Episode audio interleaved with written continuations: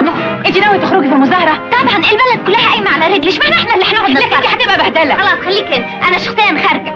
وأنا خارجة ولما حد في أهلنا يشوفك. أهلنا أهلنا هو ما حدش له أهل غيرنا. سكوت من فضلكم. إن وظيفة المرأة هي الأمومة ومكان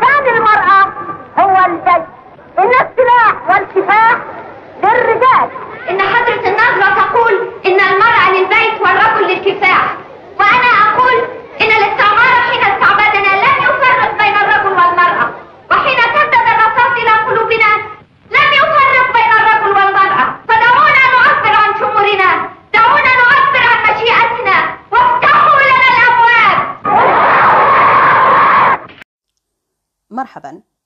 معكم إيمان وهذه هي الحلقة الثانية من بودكاست الرف الثالث. الرف الثالث حيث أضع الكتب التي أثارت اهتمامي وبالتالي رغبتي في الحديث عنها وحولها. كما يوحي المقطع فالعمل الذي أثار اهتمامي هذه المرة هو رواية عربية.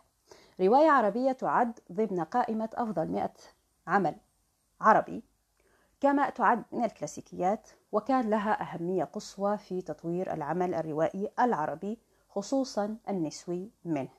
ثواني ونفتح بابها.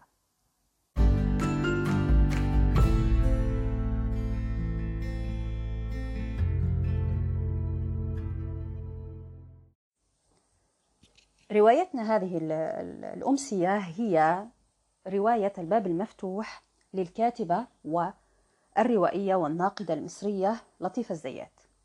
لطيفة الزيات ولدت سنة 1923 بمعنى أنها ولدت في فترة أو الفترة الملكية بمصر وتوفيت سنة 1996 تعتبر لطيفة الزيات من آه، رائدات العمل النسوي في مصر وفي الوطن العربي ككل وكان لها نشاط ثقافي بالإضافة إلى النشاط السياسي. رواية الباب المفتوح تعتبر أول رواية تفوز بجائزة نجيب محفوظ. وتؤرخ الرواية لفترة ما بين 1946 إلى 1956 أي عشر سنوات من عمر الشخصية الرئيسية في العمل اللي هي ليلى. تعتبر الزيات من رواد التيار الواقعي في الأدب المصري والعربي. وتقول الزيات عن روايتها هذه وسيظهر آه، فيما تقوله هنا مدى أهمية الرواية في تطور العمل الروائي العربي. أضفت في رواية الباب المفتوح تقول الزيات إضافات أعتقد أنها كانت جديدة على الرواية المصرية والعربية عامة. ففي هذا الوقت كان الوصف الأستاتيكي الثابت يطغى على الرواية العربية دون السرد الذي يتفتح فيه الحدث. عمدت إلى السرد واستطعت أن أبني الرواية من اللحظات الدرامية المتراكمة التي تؤدي إلى المعنى والتأثير الجمالي في الوقت عينه. أيضا استطعت استحداث الجديد بالنسبة إلى اللغة إذ جعلتها سهلة للغاية تخلو من الكليشيهات المحفوظة. قارئ هذا العمل سيرى أو سيلمح بعض التفاصيل التي ذكرتها فعلا الزيات في آه، حديثها هذا عن روايتها الباب المفتوح.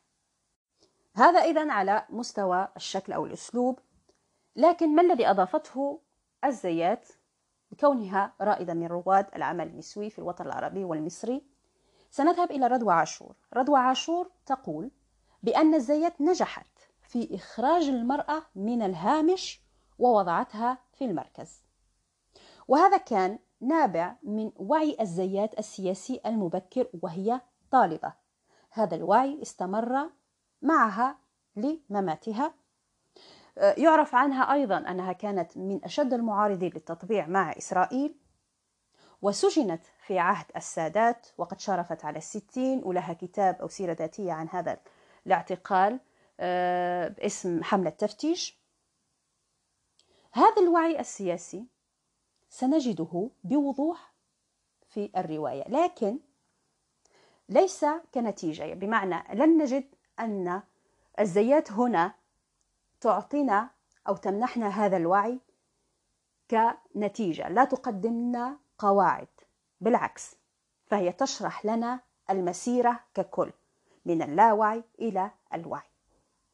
ليلى واللي هي بطلة الباب المفتوح كانت باحثة عن الحرية لكن لكي تحرر نفسها كانت تحتاج أولا إلى أن تكسر أو تكسر هذا الخوف المتجدر في ذاتها في مواجهة الوالد كرجل صارم كمؤسسة يفرض عليها سلطته المثقلة بالعادات أو كما كانت أمها تؤكد كلازمة اللي يمشي على الأصول ما يتعبش.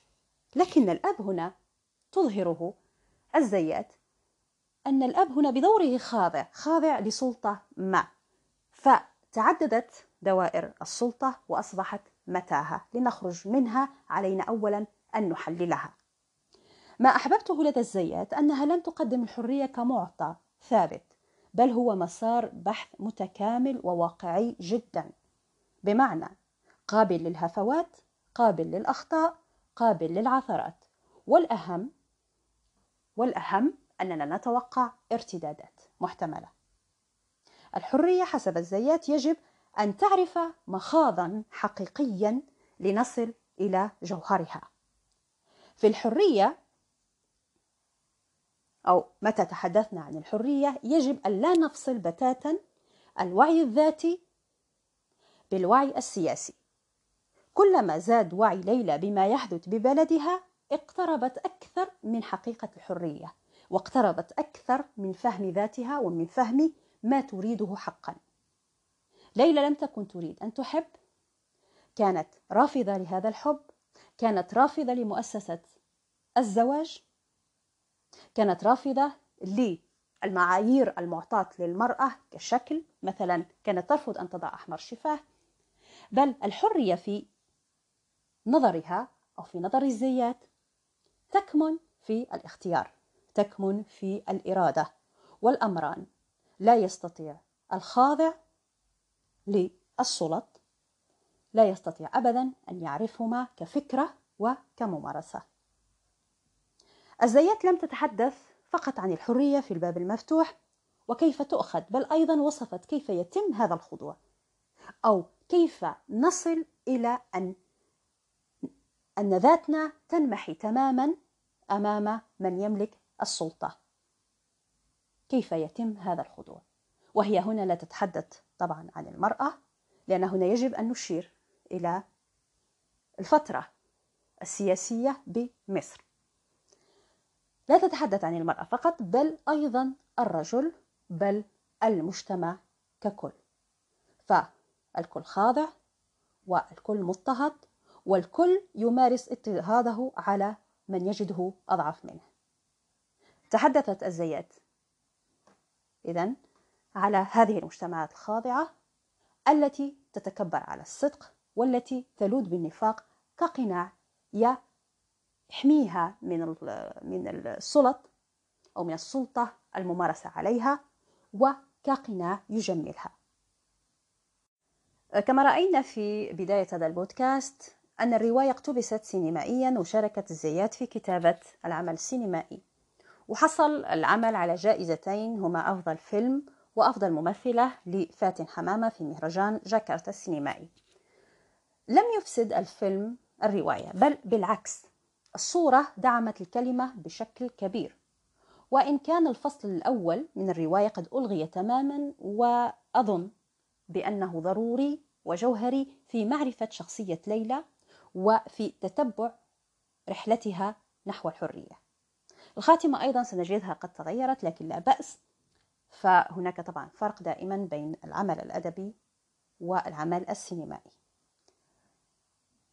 الرواية ومعها الفيلم وأكد على هذا ليست قصة حب ليست عملا رومانسيا بل هما معا الرواية والفيلم قدم نماذج مجتمعية موجودة بيننا لغاية اللحظة. والفكرة دائما والتي يجب أن نؤكد عليها متى أردنا إصلاحا ما؟ علينا ألا نفصل بين ما هو سياسي وبين ما هو مجتمعي إن أردنا, إن أردنا فعلا أن نصل إلى مبتغانا وهو المجتمع أن نصلح هذا المجتمع. نراكم على خير. كانت معكم إيمان وبودكاست الرف الثالث ورواية الباب المفتوح ولعله يظل مفتوحا أمامنا جميعا. دمتم بخير.